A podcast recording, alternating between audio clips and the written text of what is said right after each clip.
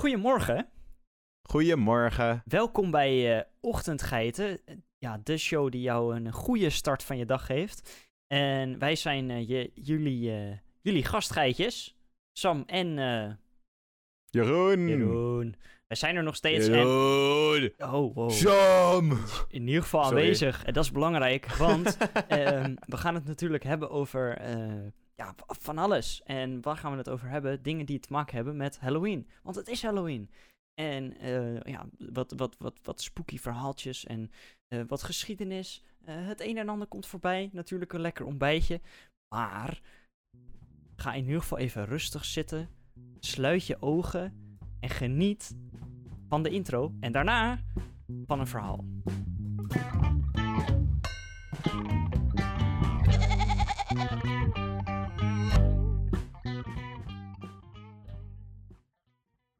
Elke avond, ongeacht het weer, loopt er iets zachtjes fluitend door onze straat.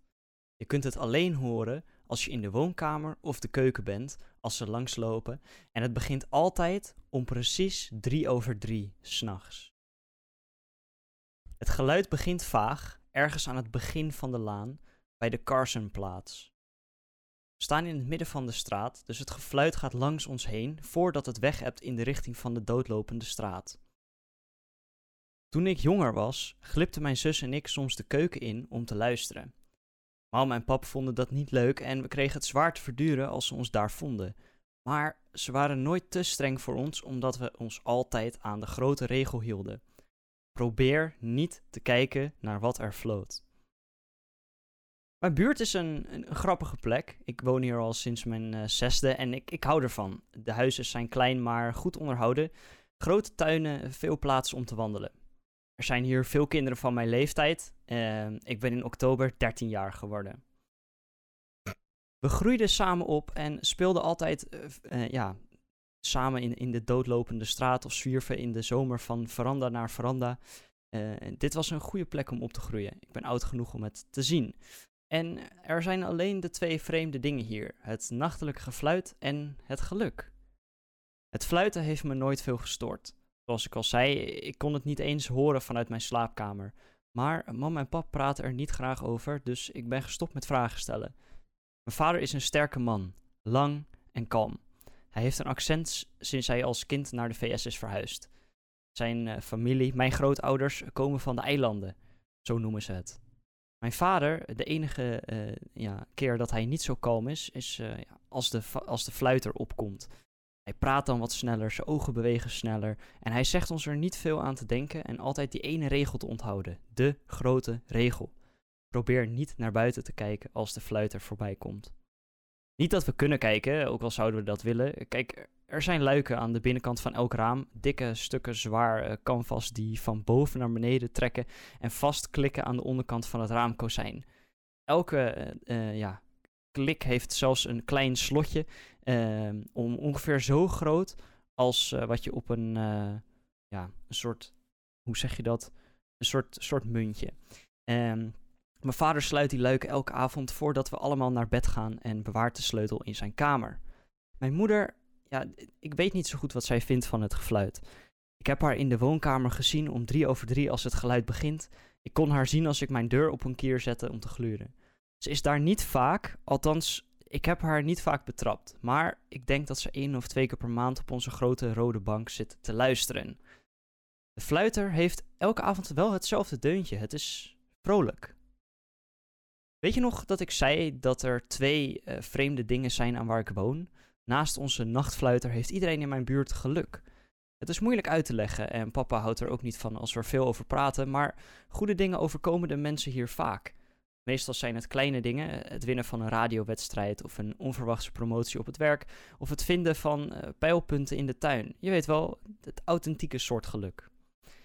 Het weer is goed en er is geen misdaad en uh, de tuinen bloeien extra in de herfst.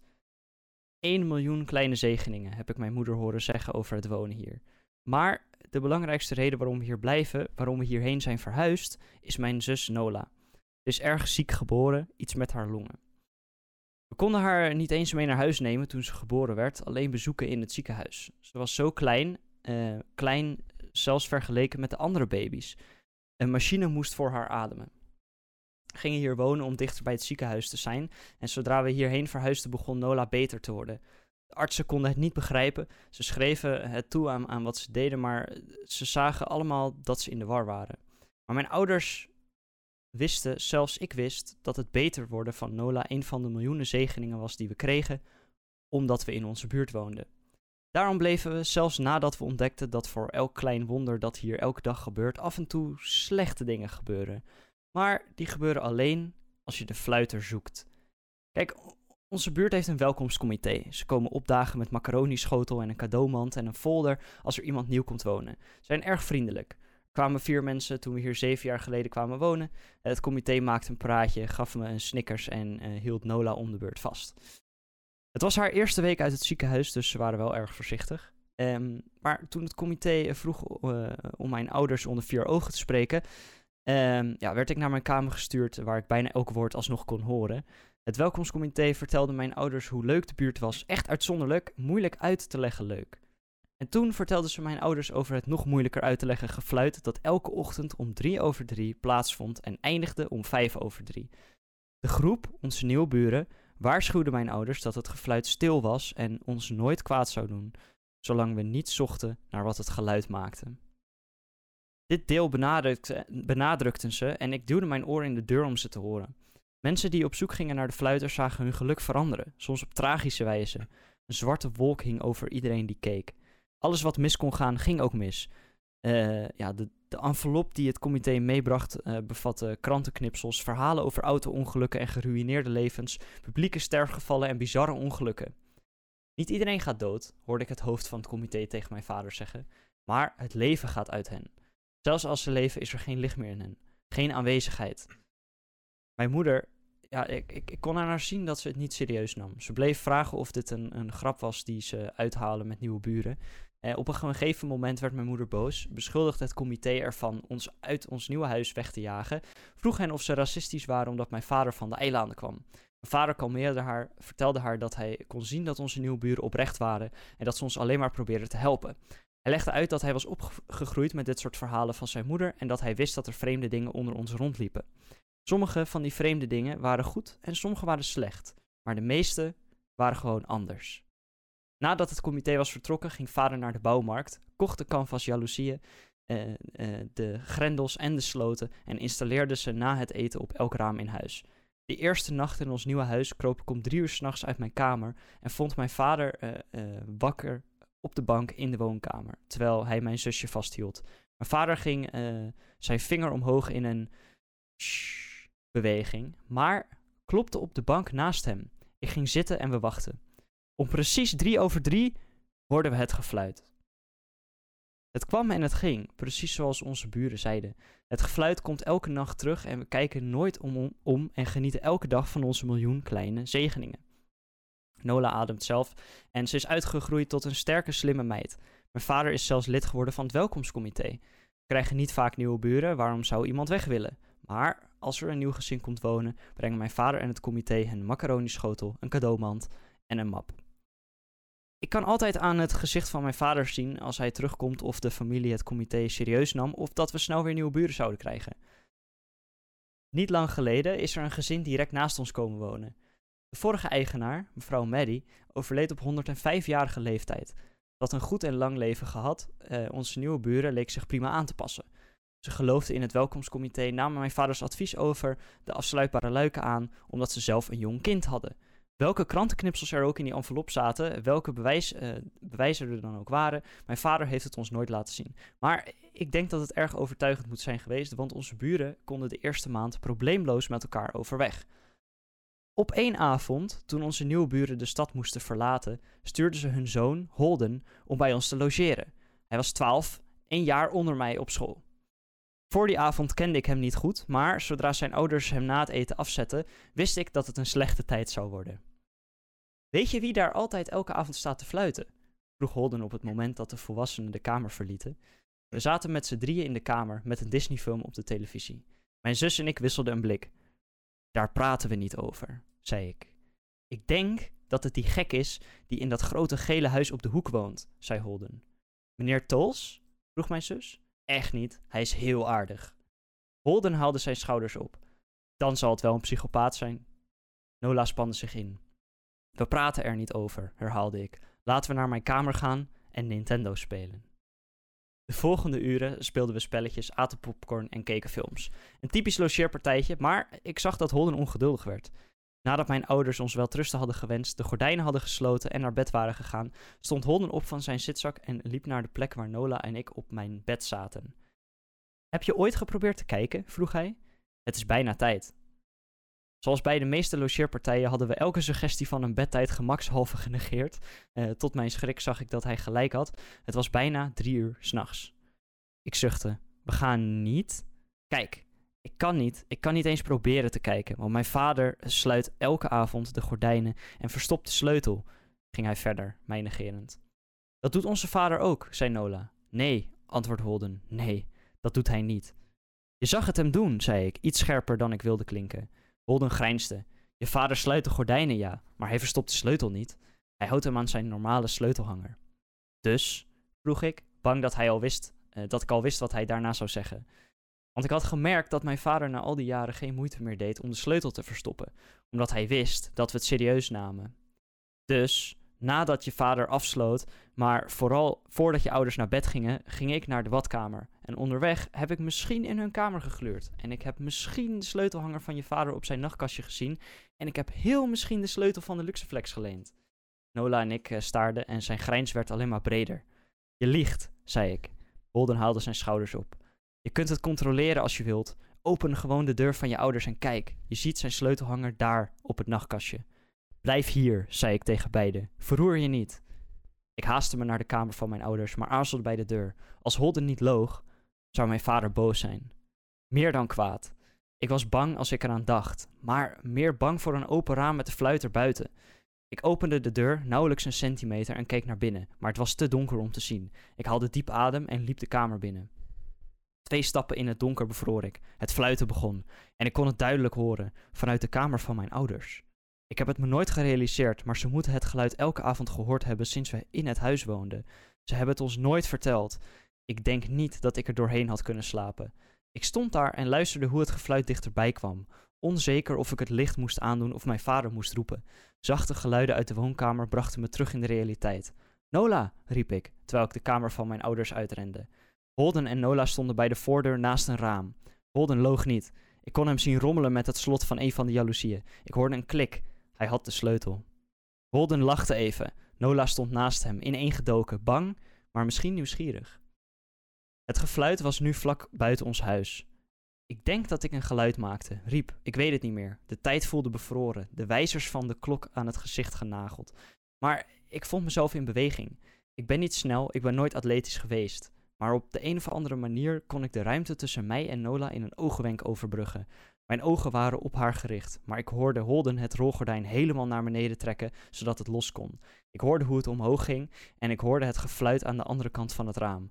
Maar ik had mijn armen om Nola heen en draaide ons zodat ze van het raam afstond. Tegelijkertijd sloeg ik mijn ogen dicht. Het rolgordijn ging open. Het gefluit stopte. Ik voelde Nola trillen in mijn armen. Niet kijken, oké, zei ik tegen haar. Draai je niet om. Stonden zo dat zij naar de gang keek en ik naar het raam. Mijn ogen waren nog steeds gesloten. Ik voelde haar knikken in mijn schouder. Ik stak mijn arm uit die Nola niet vasthield en probeerde Holden aan te raken. Mijn hand streek tegen zijn arm. Hij trilde erger dan Nola. Holden? vroeg ik. Stilte. Ik reikte langs hem en voelde voorzichtig aan het raam, mijn ogen nog steeds gesloten. Het glas was koud tegen mijn vingertoppen, kouder dan het zou moeten zijn voor de tijd van het jaar. Ik ging met mijn hand langs het raam omhoog, op zoek naar het koord van het rolgordijn. Het glas begon warmer te worden naarmate ik verder reikte, en er was een zacht gezoem dat zich in mijn vingertoppen nestelde. Ik probeerde niet te denken aan wat er aan de andere kant van het raam zou kunnen zijn. Uiteindelijk raakte ik het touwtje aan en trok de jaloezieën dicht. Ik opende mijn ogen. In het zwakke licht van de keuken kon ik Holden zien, bleek en klein, starend naar het nu gesloten raam. Holden? vroeg ik opnieuw. Hij draaide zich naar me toe en schreeuwde. Alles werd een vlaag van beweging. Lichten kwamen tot leven in de hal, toen de woonkamer. De voetstappen van mijn ouders dreunden over de hardhouten vloer. Ik keek niet naar hen om, mijn ogen waren op Holden gericht. Hij was bleek, had zo, zo hard op zijn lip gebeten dat er een dunne rode streep bloed over zijn kin liep en hij had in zijn broek geplast. Wat is er gebeurd? vroeg mijn vader van achter me. Ik slaagde erin om van Holden weg te draaien en om te kijken. Hij keek. Ik had mijn vader nooit eerder bang gezien, maar ik zag het die avond, op dat moment. Een oude, lelijke schrik op zijn gezicht gebrand. De angst van een ouder. Alleen Holden? mompelde hij tegen mij. Ik knikte ja. Mijn vader haalde adem. Hij keek zo opgelucht dat ik bijna verwachtte dat hij zou juichen. Maar toen draaide hij zich om naar Holden en mijn vaders gezicht veranderde. Ik vroeg me af of hij zich slecht voelde omdat Holden de enige was die keek. Er werd op de deur geklopt. We bevroren allemaal. Holden jankte. Niet open doen, zei mijn moeder. Ze stond op de drempel van de hal. Ik had altijd gedacht dat ze sceptisch was en dat ze mijn vader alleen maar vermaakte over de ramen en de fluiter. Maar die avond waren we allemaal gelovigen. Ik zag dat mijn beide ouders honkbalknuppels vasthielden die ze uit hun slaapkamer hadden gehaald. Er werd weer geklopt, deze keer iets harder. Doe alsjeblieft niet open, fluisterde Holden. Mijn vader liep naar hem toe en omhelsde hem stevig. Dat doen we niet, beloofde mijn vader, terwijl hij nog steeds zijn knuppel vasthield. Niets komt hier vanavond binnen. Stomp, stomp, stomp. Bel de politie, fluisterde mijn moeder tegen mijn vader. Het geklop stopte onmiddellijk. Mijn vader keek over zijn schouder naar ons. Denk je dat? Hij werd onderbroken door verwoed geklop dat overging in een beleefde tik, tik, tik. Politie, zei iets vanaf de andere kant van de deur. De stem van buiten klonk precies als mijn moeder, alsof een papegaai de woorden voor haar herhaalde. Politie, bel. De politie. Tik, tik, tik. Politie. Mijn moeder trok ons dichterbij. Politie. Politie. Politie. Politie. Hou alsjeblieft op, hoorde ik haar fluisteren. Ik denk niet dat bellen helpt, uh, zei mijn vader. Hoe weten we of zij het zijn die aan de deur staan? Er werd harder geklopt dan voorheen. De deur schudde. Toen stopte het. Na een lang moment hoorde ik het geklop weer, maar het kwam van onze achterdeur. We draaiden allemaal samen naar de achterdeur, maar het geklop keerde onmiddellijk terug naar de voordeur. Van voor naar achter, van achter naar voor. Luid, dan stil en dan weer luid. Plotseling kwam het geluid van beide deuren tegelijk. Grote, zware klappen als van een voorhamer. Toen begon er iets tegen alle ramen in het huis te tikken, daarna tegen de muren. Het was alsof we in een trommel leefden met een dozijn mensen die tegelijkertijd probeerden te spelen. Of we waren een schildpad en iets probeerde ons uit ons schild te klauwen. Stop! schreeuwde Holden. Het geklop hield op. Ik zal het niet vertellen, zei Holden, starend naar de deur. Ik beloof dat ik niemand zal vertellen wat ik zag. Ga alsjeblieft weg. We wachten bijna een minuut. Toen hoorden we het. Een zachte tik, tik, tik uit het raam waar Holden eerder doorheen had gekeken. Holden begon te huilen, snikkend als een gevangene die ziet hoe buiten zijn cel een galg wordt gebouwd. Mijn vader hield hem vast, borstelde zijn haar, maar loog nooit tegen hem, vertelde hem nooit dat alles goed zou komen. Het getik bij het raam ging de rest van de nacht door. Kropen samen in de woonkamer voor ik weet niet hoe lang. Uiteindelijk eh, probeerde mijn moeder ons naar mijn kamer te brengen, terwijl mijn vader de deur in de gaten hield. Maar zodra we in mijn slaapkamer waren, kwam het geklop terug, zo luid dat ik het niet kon negeren. Ik was bang dat de deur het niet aankon. We gingen terug naar de woonkamer en het geklop hield op. Alleen het getik op het raam bleef. Niemand van ons sliep die nacht. Het tikken stopte rond 7 uur s morgens. Dat is ongeveer de tijd dat de zon hier opkomt. We wachten nog twee uur voordat mijn vader de gordijnen van één raam opende. Um, hij liet ons eerst allemaal naar de slaapkamer van mijn ouders gaan. Ik hoorde hem de deur openen en toen weer binnenkomen. Oké, zei hij tegen ons. Het is klaar. Holdens ouders kwamen rond lunchtijd terug. Mijn moeder en vader liepen met Holden naar zijn huis en ze gingen allemaal een tijdje naar binnen. Nola en ik keken toe vanuit het raam. Ze bleef de hele dag bij me, aan mijn zijde. Soms hield ze mijn hand vast. Toen mijn ouders eh, terugkwamen, keken ze grimmig, maar wilden ons niet vertellen wat ze tegen Holdens familie hadden gezegd. Het was een zondag, dus brachten we de dag samen door, bestelden we pizza en keken we films. Die nacht sliep iedereen in mijn kamer. Nola en mijn moeder in het bed met mij, mijn vader in een stoel die hij aan de kant had gezet. Er werd niet geklopt die nacht of, elke, uh, of überhaupt een nacht daarna. De rest van de week zagen we Holden en zijn ouders niet meer, maar donderdag stond er een verhuiswagen op hun oprit. Nola en ik zagen ze de hele middag na school inpakken. Wat me het meest is bijgebleven is hoe moe Holden en zijn ouders eruit zagen.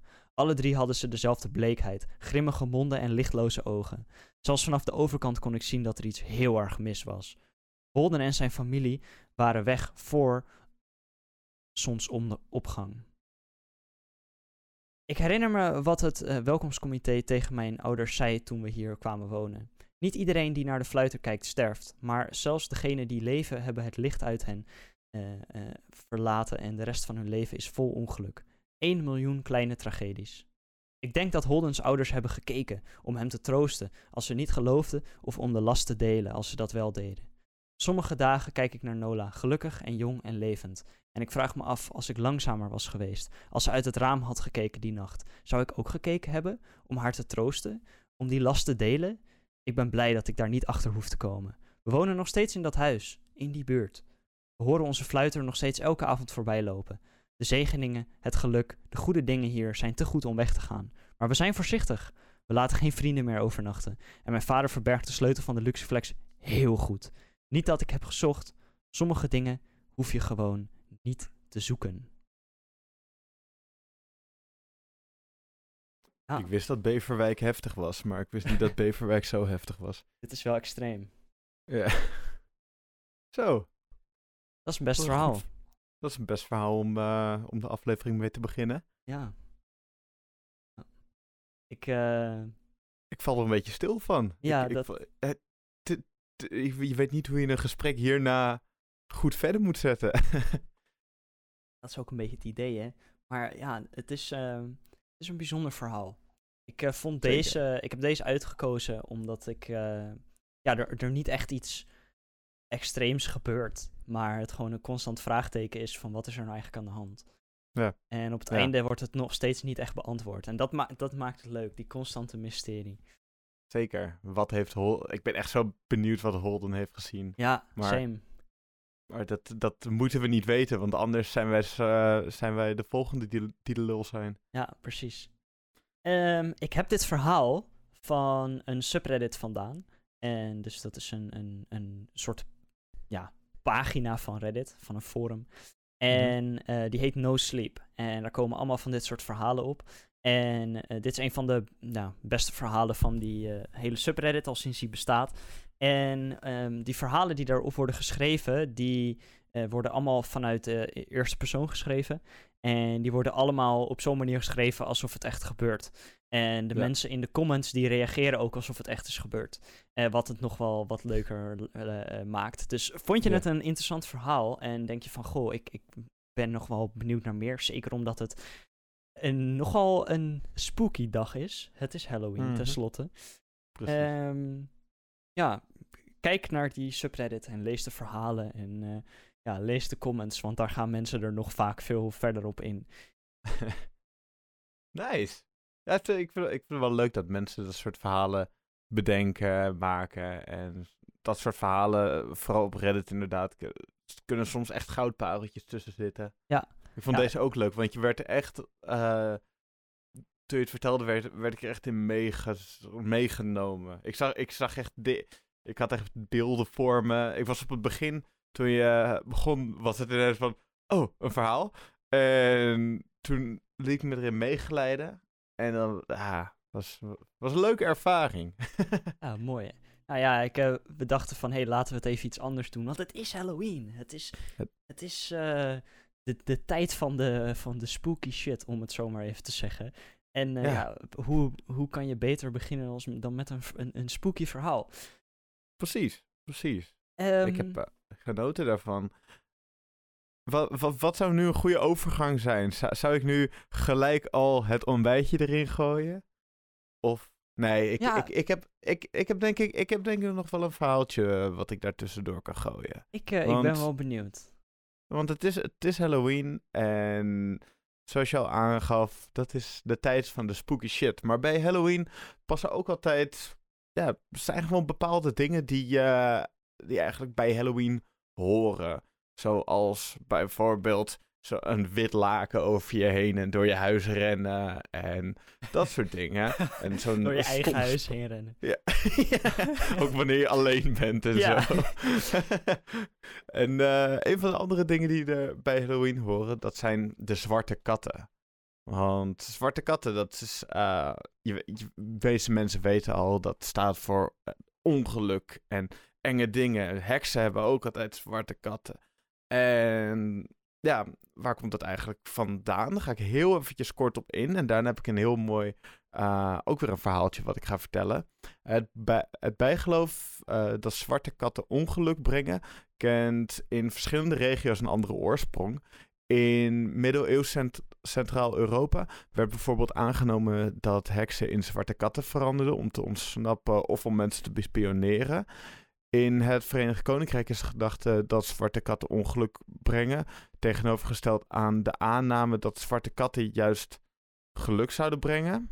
Dus het is overal, het is overal ongeluk, maar het is net weer een andere manier hoe ze dat, uh, ja, hoe ze het zelf interpreteren en waar het een beetje vandaan komt.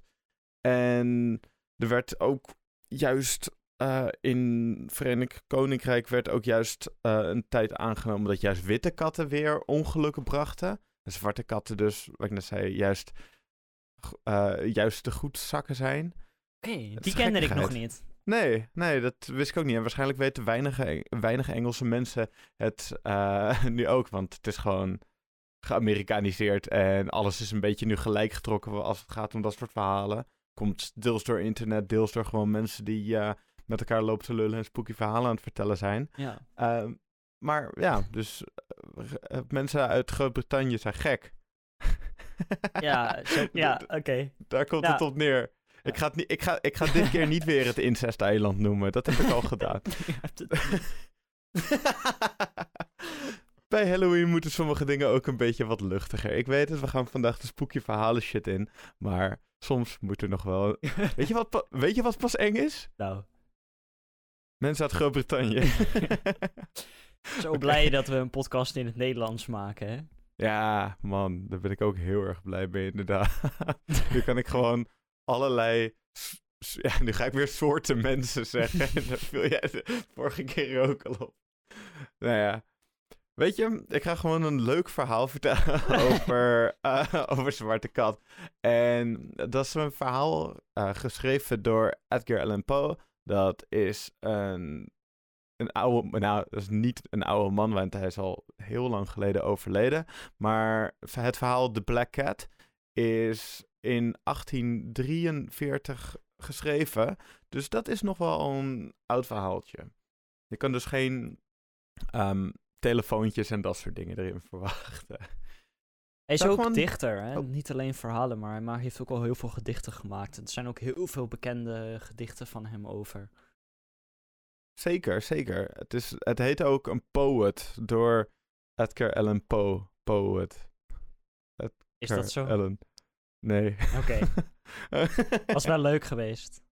Ja, dat, dat zou zeker mooi zijn. Ik ga even een slokje water achterover gooien en daarna ga ik gewoon lekker het verhaaltje vertellen. hydrateer mensen, drink water. Drink twee glazen water per dag. Minimaal. Ja, of, of een groot liter fles aan water waar ik King Mungo, dat is mijn liter fles water. Die heb ik om voldoende water te drinken. Het is gewoon belangrijk om voldoende water te drinken. Ook als je onderweg bent. Neem ook een King Mungo. Is fijn. Reclame voor King Mungo. I don't care. Oké. De zwarte kat. Oké. Alright. Cool, focus. Oké, okay. auw, ik sloeg mezelf net iets te hard. Oké. Nou, de zwarte kat. Van kinds, uh, van kinds af is de nameloze verteller een allemansvriend en dierenliefhebber. Hij trouwt op jonge leeftijd met een vrouw met wie hij vele huisdieren houdt, waaronder een prachtige zwarte kat genaamd Pluto.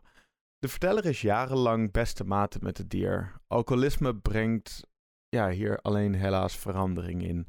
Het maakt de verteller prikkelbaar en gevoelloos.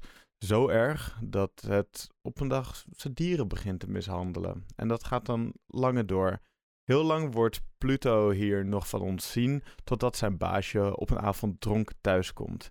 Hij grijpt de kat bij zijn nekvel, die zich al bijtend verzet.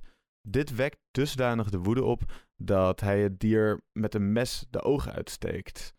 Een vrijwel perverse wens om zijn eigen ziel te kwellen maakt dat hij op een dag ook Pluto ophangt aan een boom. Onmiddellijk daarna voelt hij diepe rouw. Diezelfde avond, als hij slaapt, brandt door een onverklaarbare reden zijn huis uit.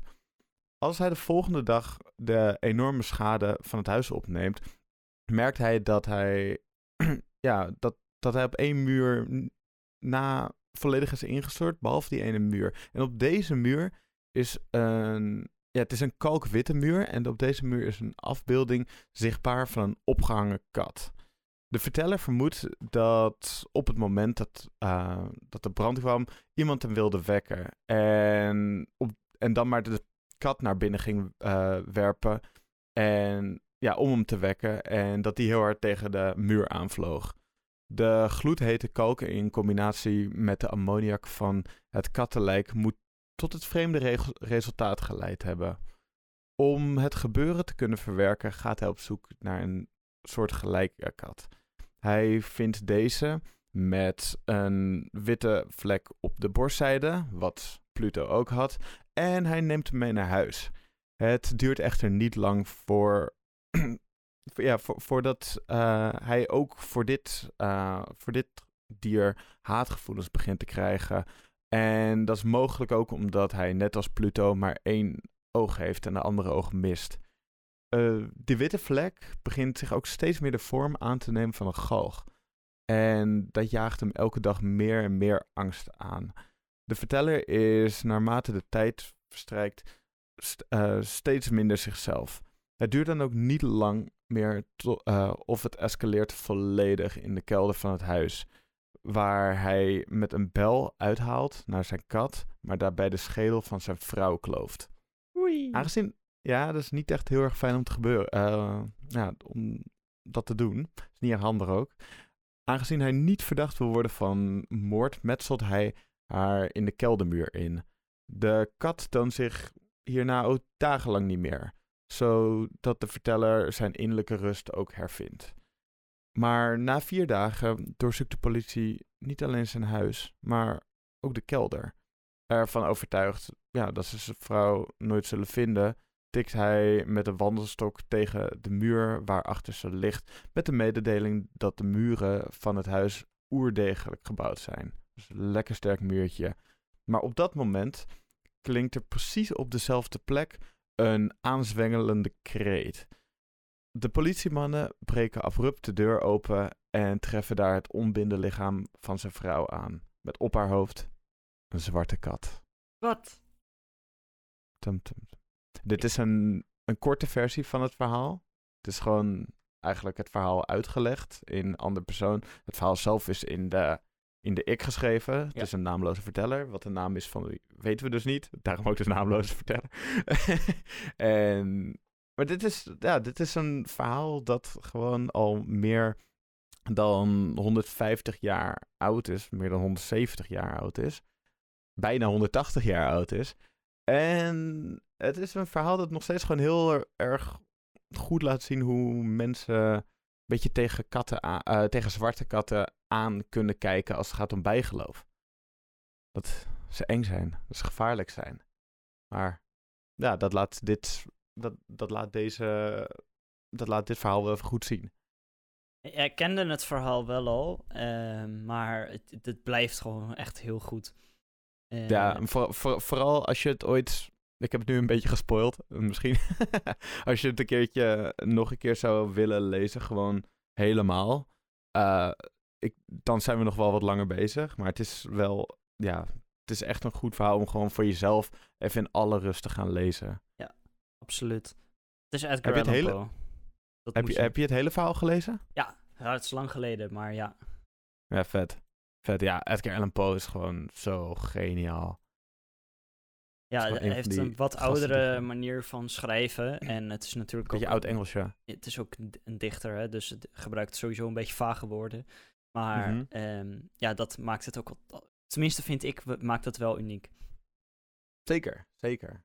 Ja, het mooie dingen. Ken je nog meer eh, verhalen van Edgar Allan Poe? Ja, The Raven eh, ja. is zijn meest bekende verhaal. Eh, die ken ik. Voor de rest niet, maar ja, misschien wel onbewust, maar niet dat Ja, ik weet.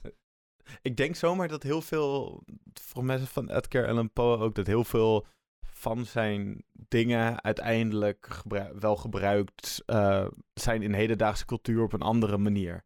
Weet je, dat gewoon, wanneer je het verhaal zou kennen, zou je ook denken van, oh, dat is daaraan gelinkt. Leuk. Maar dan weet je als buitenstaander, als je het verhaal niet kent, weet je dat niet echt. Ja, je, je ziet ook heel vaak, en zeker met de verfilming van alles, dat er heel veel series zijn en, en films en, en animaties en noem het maar op, die een, een soort, ja, de, de, de oude werken en de oude literatuur gebruiken als basis voor hun verhalen. Dus je ziet Ja. heel vaak, eh, zeker als je bijvoorbeeld kijkt naar, ehm oh, hoe heet het ook alweer, die serie, volgens mij American Horror Story. Dan heb je ook heel veel afleveringen die gewoon een directe eh, afleiding zijn van, eh, ja, van oude verhalen. Daarover gesproken, wat is jouw favoriete Halloween film of serie? Nou, het is leuk dat je het zegt, want er is er eentje die ik ga kijken, die ik nog niet heb gezien, en waarvan ik zeker weet dat dat mijn favoriet gaat worden. Ehm, eh, En dat is? Het is eh, Cabinet of Curiosities van eh, Guillermo del Toro. En het, is, het wordt nu gemaakt. Oké. tenminste, het is nu net gemaakt. Het wordt nu gereleased. Het staat op Netflix. Mhm. Ehm, en het gebruikt heel veel practical effects. Eh, bijna alleen maar.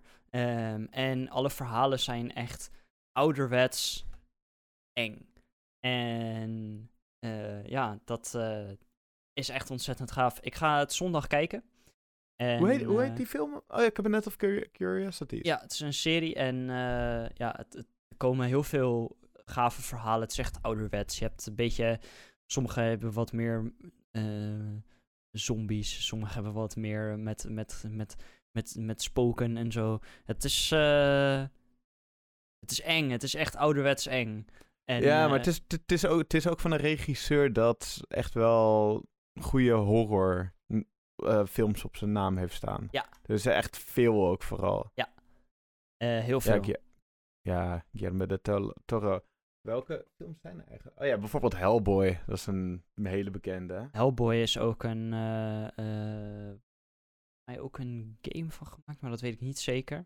Ja, klopt. Ehm, maar ja, nee, er zijn echt ontzettend veel dingen. Ehm, en hij heeft ook een beetje... Hij heeft Pinocchio ook gemaakt trouwens, wat wel eh, grappig is.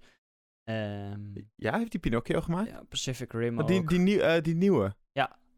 Oh, wauw. Ja. Ja. Pacific Rim, dat wist ik inderdaad. Nou, het, het is gewoon een geniale regisseur. Ja, Eh, dus Daar ja, ben ik benieuwd naar. Ik wist niet dat dit kwam. Dus Ja. ik vind het wel vet. het komt uit op het perfecte moment. dus als je zoiets wil kijken, dan moet je het nu kijken.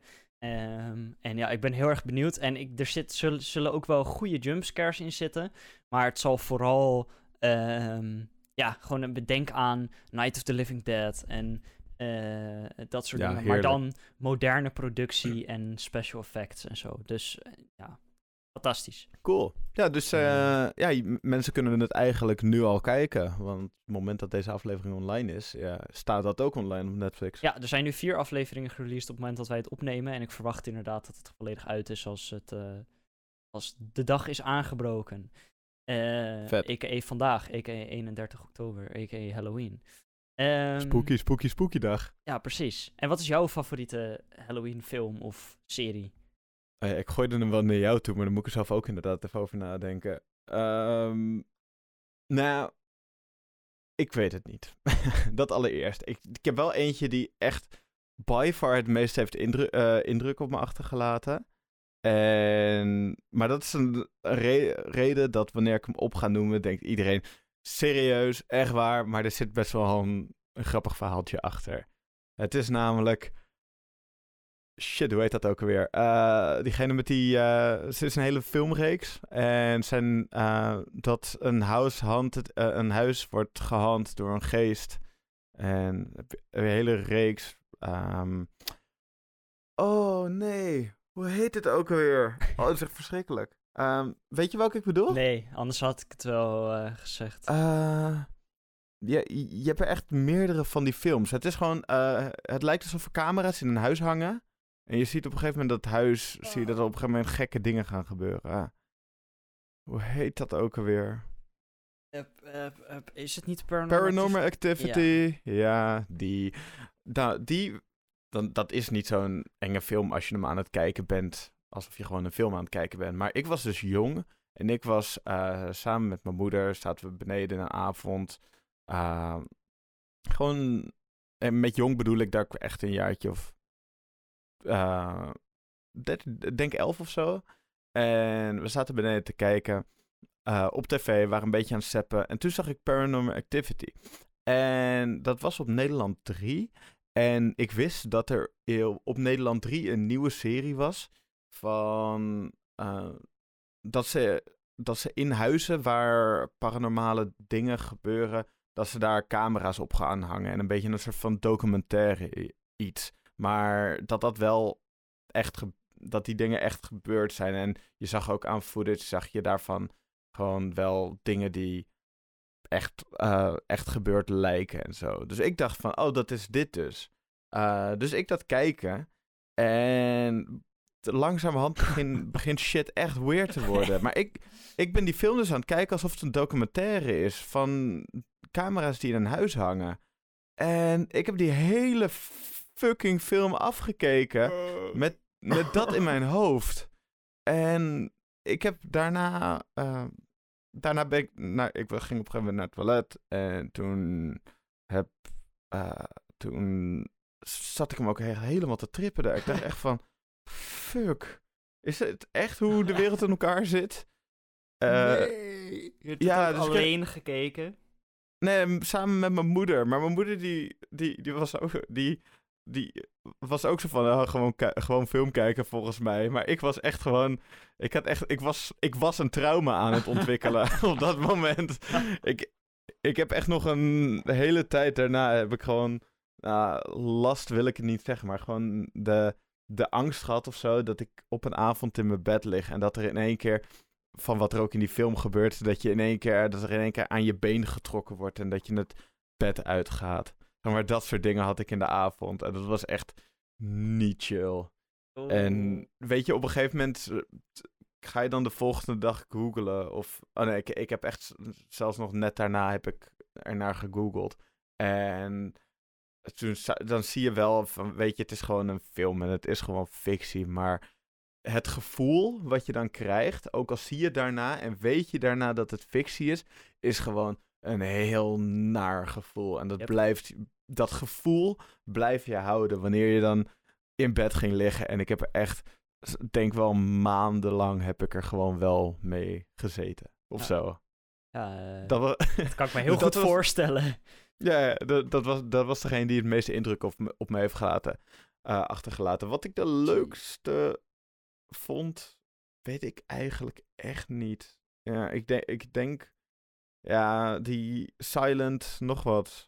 Die, Silent Hill. die horror. Ja, denk ik. Silent Hill? Ja, vast wel. Ja, die, eh, die shit vond ik wel leuk. Ehm, Er komt dus, eh, dat is wel het mooie van Silent. Hill. ehm er zijn ook heel veel games van gemaakt. ja, klopt. Ehm, en eh, ze gaan een aantal van die games, zijn ze nu aan het remaken. En die komen in echt super hoge kwaliteit uit. Er zijn ook trailers Oh, van vet. Mhm. gereleased. Ik denk ongeveer een week geleden. Ehm, Dus ja, ook voor, voor de nieuwe consoles en zo. Dus dat wordt, eh, dat wordt echt spooky. Aangezien de, de eerdere games best wel oud zijn. Eh, echt, de eerste komt uit, uit, uit mijn geboortejaar, 1999. Dus ik ben echt wel benieuwd wat, dat, eh, ja, wat er allemaal nog gaat komen. En hoe dat Ja, verder gaat worden. En wat, wat is, denk je, eh, denk je nou, wat is jouw favoriete horror game? Oh, 100% Outlast. Ik heb Ah, zoveel herinneringen aan die game. Eh, ik, ik twijfelde tussen Slender of Outlast. Want Slender, dat is echt gewoon de classic. Eh, als je, d- d- toen je er gewoon eh, 12 was en een beetje ja, mentaal aan het sterven bent op 3 pixels. Ehm, Ja, ja. dat, dat, dat was gewoon Slender, maar dat was echt een goede, goede classic horror game. Maar Outlast was, is, als ik zeg van joh, dat is echt mijn favoriete horror game, dan kom ik daar wel op uit. Ja, dan, dan meen je dat wel echt. Ja, nee, ik denk dat ik ga voor... Ik heb er, twee die we gewoon ook weer het meest bijblijven. Dat is Slender. We gingen dan wel eens met, eh, met vrienden, hè, gingen we dan Slender Party doen. Inderdaad, toen we 12 jaar, 13 jaar oud waren. Ja, want toen En kwam het gewoon- uit. Ja, precies.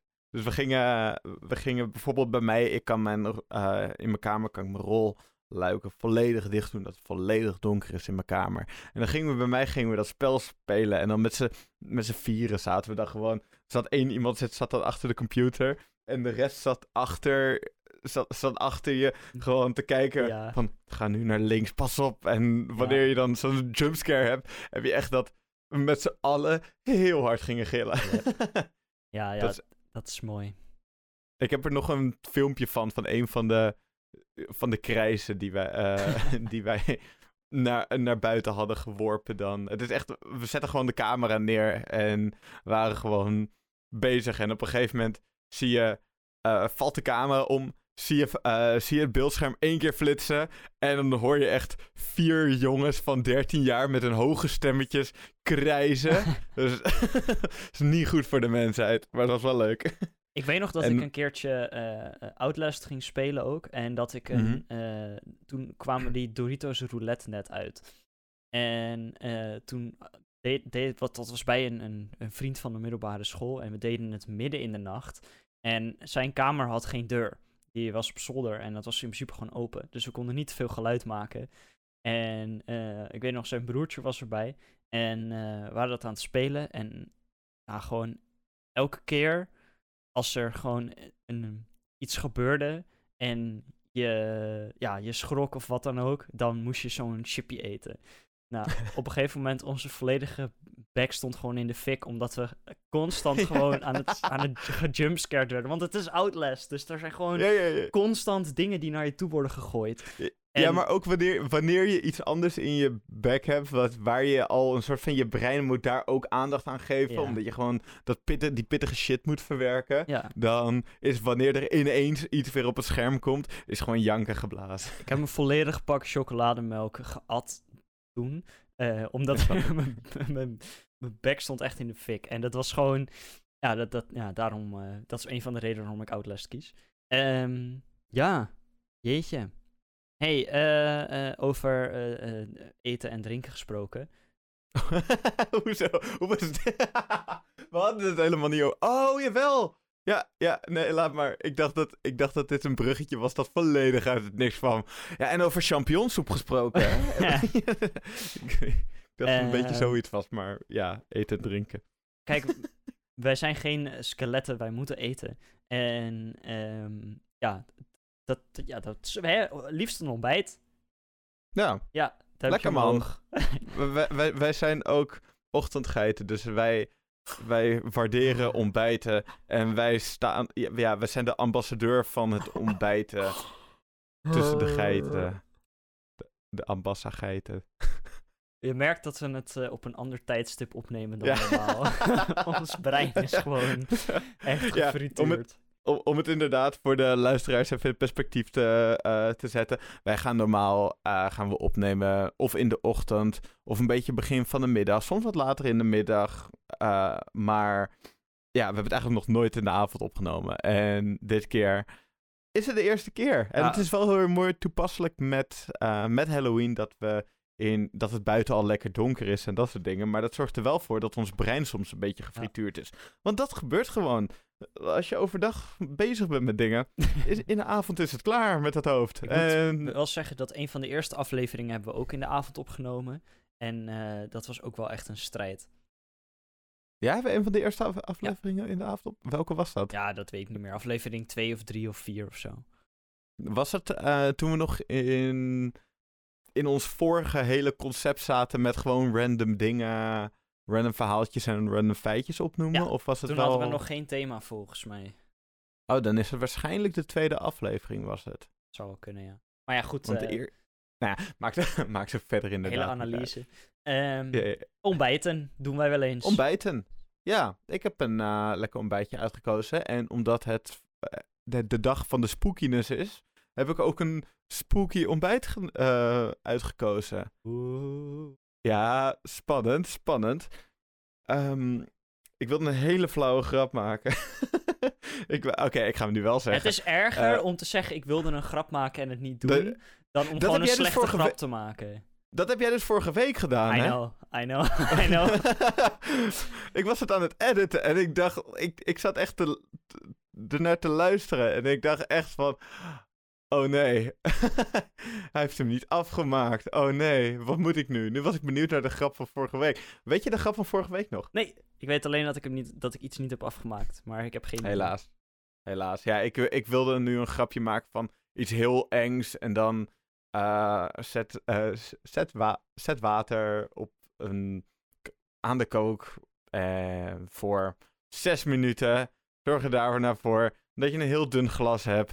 Ehm, doe, doe het water in het glas en ga hem in het glas blij, bijten. Dan heb je een leuk Halloween kostuum. Met verbrand... ja, dit Wat? is dus- dit, dit, dit is... Wat? Dan heb je bloed, zeg maar, over je... Nee. Ja, maar dit, dit is dus waarom we niet in de avond moeten opnemen. Dit is echt gewoon... Dit, van alle dingen die je had kunnen zeggen, is dit wel het laatste wat ik had verwacht, denk ik. Ja, dan snap ik dat je dat niet had verwacht. Ik had het zelf ook niet verwacht dat het in mijn brein naar boven zou komen. Maar het heeft het gedaan en ja, je hebt me overgehaald om het wel te gaan vertellen. Dus eh, alsjeblieft Sam, Ja, dankjewel. wees er blij mee. Nee, ik heb, eh, voor deze week heb ik herfstige ontbijtmuffins met pompoen en pumpkin spice. Heel toepasselijk met Halloween. nou, wat je, wat je hiervoor nodig hebt is eh 150 gram hout. Eh dit zijn trouwens voor zes van die... Lekker. Sam kan het niet meer houden. Eh, voor zes van die lekkere ontbijtmuffins. Oké, Ongekend gewoon. het, is het gaat van glas eten naar ontbijtmuffins. Oké, wat je nodig hebt voor zes van die lekkere ontbijtmuffins is eh 10 minuten voorbereidings, eh, voorbereidingstijd en 30 minuten be- bereidingstijd. Dat is de hoeveelheid tijd dat je nodig hebt. Vertel nou gewoon wat erin zit, jongen. Sorry, oké. 150 gram havermout, 300 gram pompoenpuree, 150 milliliter plantaardige melk, 1 eetlepel gebroken lijnzaad, 2 eetlepels maple syrup, anderhalf theelepels pumpkin spice. Kan je ook vervangen door speculaaskruiden wanneer er een Sinterklaas versie van wil maken of zo. Een snufje zout, 50 gram pekannoten. eh, en als je nog wat extra decoratie bij de pekannoten wil, kan je blijkbaar ook extra decoratie bij de pe- doen. En één theelepel wijnsteenbakpoeder. Lekker man. Oké, vorm je oven voor op 180 graden Celsius. Meng de gebroken lijnzaad m- met drie eetlepels water. En laat 5 minuten staan. Doe de havermout, pompoenpuree en plantaardige melk in de grote kom. En meng deze door elkaar. Voeg de gewelde lijnzaad, inclusief het water natuurlijk, toe aan het mengsel. Eh, roer de maple syrup, pumpkin spice en een, en een vleugje zout of een snufje zout lekker door het mengsel. En breek dan de pekannoten met je handen. Ja, dat is heel erg belangrijk dat je dit met je handen ik doet. zou het want met je anders. voeten doen. Met je hoofd. Zo. Ah, pats!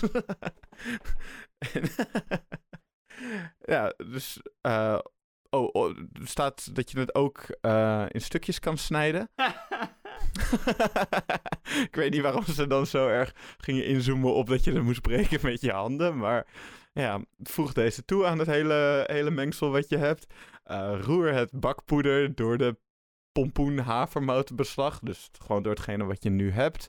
Eh, schep het beslag in muffinvormpjes en garneer elke muffin eventueel met losse pekannootje erop. Voor de sier. Eh, bak de muffins 30 minuten gaar. Laat ze afkoelen in het vormpje. En eet de muffins direct. Of bewaar de afgekoelde muffins in een afgesloten bak in de koelkast. Verwarm ze voor het eten 30 seconden in de magnetron... Nee, eh 5 minuten in de oven. Of laat ze op kamertemperatuur komen ja, op het aanrecht. Eet smakelijk. Ik, ik, ik ga niet, hier staat dat je het in de magnetron moet bakken, maar gewoon- doe gewoon niet. Ga gewoon weer de oven opnieuw opwarmen of zo. Dus dat. Dat is de herfstige ontbijtmuffin met pompoen en pumpkin spice. Ik heb nog Nou. nooit zoveel moeite gehad met het luisteren naar een recept. Mijn brein was echt gefragmenteerd. Ja, jij, jij was op een gegeven moment, lag je even een tijdje eh, volgens mij onder het bureau of zo. Want je was gewoon een tijd niet meer zichtbaar. Man, man, man. Je moest even, even ditje doen om even bij te komen. Maar dat. Wat een ehm, verhaal. We kunnen het ook makkelijker maken. En ga gewoon lekker naar onze Instagram en bekijk het daar met je ogen. Dan... Inclusief alle eh, andere recepten die we sinds drie weken online hebben staan. Dus Ja. kijk naar de highlight tapje en dan zie je onze recepten. Yeah. Zeker. Hell yeah. Ehm, oh ja, en we zijn ook benieuwd hoe de, hoe de mooie nieuwe art scheisse dingen die we maken, hoe die bevalt. Dus laat gewoon lekker eronder weten of wat, wat je van de grapjes vindt. Wat je van de grolletjes vindt. Hadden eh, vorige week voor Buitenaards Leven hadden we een mooie neergezet. En deze week gaat Sam er eentje maken voor Halloween. Toch Sam? Ja. Ja. Die vorige had je ook zo mooi gemaakt. Nee, grapje. we doen ons best. Dus we moeten nog even we- wennen aan sommige dingen waarmee we werken. Maar dat we zijn er ook bij. professionals. We zijn professionals. Wij zijn geboren professionals. Ja. Net zoals de manier hoe we deze podcast doen. Ja. Is gewoon geboren professioneel. En net zoals eh, de kennis die we hebben over de, het ontbijt wat wij voor ons leggen en naar jullie opleggen, daar weten we ook gewoon alles van. Ja. Toch? Ja. Oké. Ehm, willen we nog even één, eh, een best wel redelijk kort verhaaltje? Absoluut. Over iets anders wat met Halloween te maken heeft? Absoluut. Want we zijn al best wel ver in de aflevering. Dus eh, we gaan niet meer al te lang houden. Want straks zijn jullie weer bij je plaats van bestemming. Of heb je er wel weer genoeg van gehad na meer dan een uur. Dus dan gaan we gewoon lekker doorkachelen. En als je wil stoppen, niet doen. Het wordt nog veel leuker allemaal. Lekker man. Oké, ik wil het hebben over iets anders wat heel erg bekend is. eh, wat bij Halloween hoort. En dat is. Sam? De Jack-o'-lantern. Goed zo, je hebt naar ons voorgesprekje geluisterd. De Jack-o'-lantern inderdaad, dat, is, ja, dat hoort gewoon bij Halloween. Dat is, wanneer je aan Halloween denkt, dan denk je aan een pompoen waar een gezichtje uit is gemaakt. Maar waar komt, dat van, eh, waar komt het eigenlijk vandaan, is de vraag. Nou, dat ga ik jullie vertellen, lieve luisteraars. De legende verhaalt over een man genaamd Stingy Jack. Dat is ook wel gierige Jack. Die een deeltje sloot met de duivel. Nadat ze samen een borreltje hadden gedronken, want ja, wie doet dat nou niet met Satan, haalde Jack de duivel eh, ja, over om zichzelf in een muntje te, eh, te veranderen, zodat, eh, zodat Jack uiteindelijk kon betalen. Want hij was gierig, dat werd al eerder gezegd, maar dan weet je het ook weer. Eh, maar in plaats daarvan dat hij het muntje ging overhandigen aan de barkeeper, stopte Jack het natuurlijk in zijn zak. En daarnaast lag ook een zilveren kruis. En zoals iedereen weet, kunnen duivels niks meer wanneer je er een kruis in de, buurt, eh, kruis in de buurt zet. Dus zat Satan vast in zijn muntgedaante.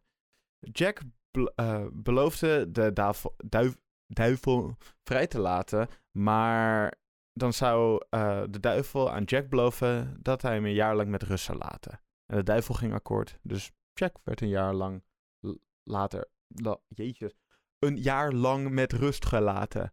Enige tijd later hield Jack de duivel weer voor de gek.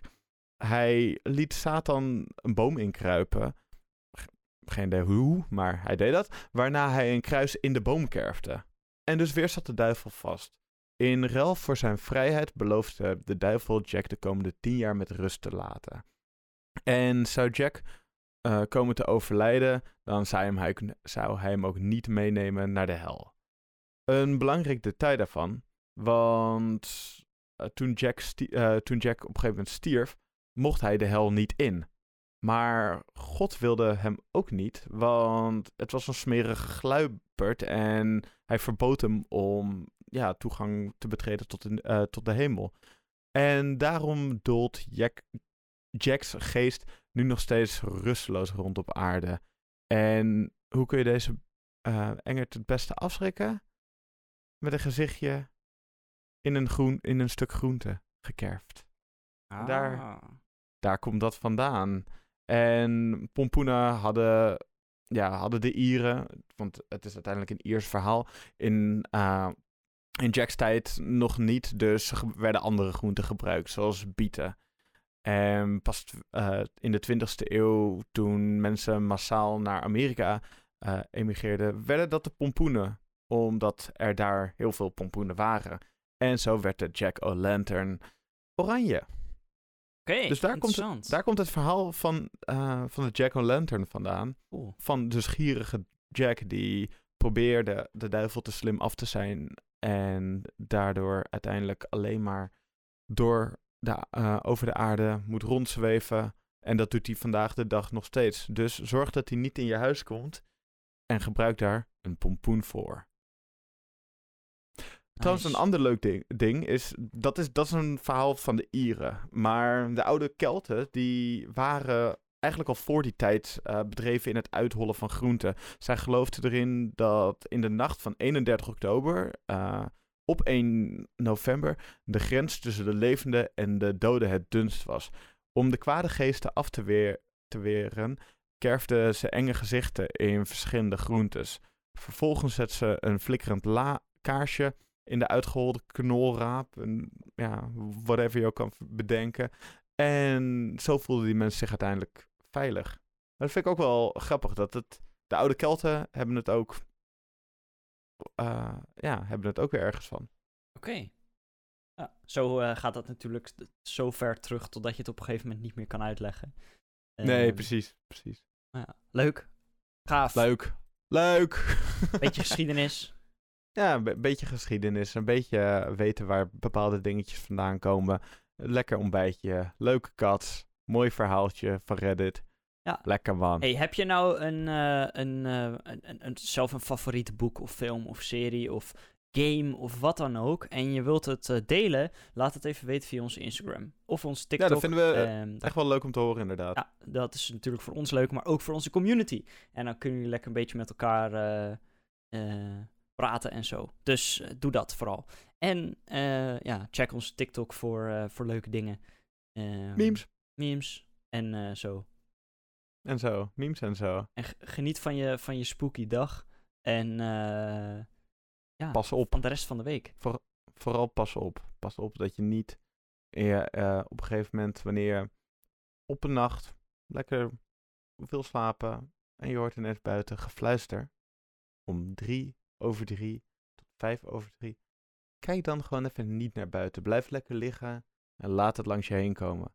Want voor je het weet, eindig je als die jongen waar ik de naam van ben vergeten. Holden. Eh, Holden. Ja, gewoon niet, eh, niet na- naar gefluit, eh, niet erop reageren. Dat is belangrijk. Gewoon, En, gewoon in zijn algemeenheid moet je dat gewoon niet doen. Nee, precies. Fijne week, fijne avond, fijn leven, fijne slaap, fijn glas water, fijne herfstmuffins. Eh, ehm, en eh, ja, tot de volgende keer maar weer. Houdoe en bedankt.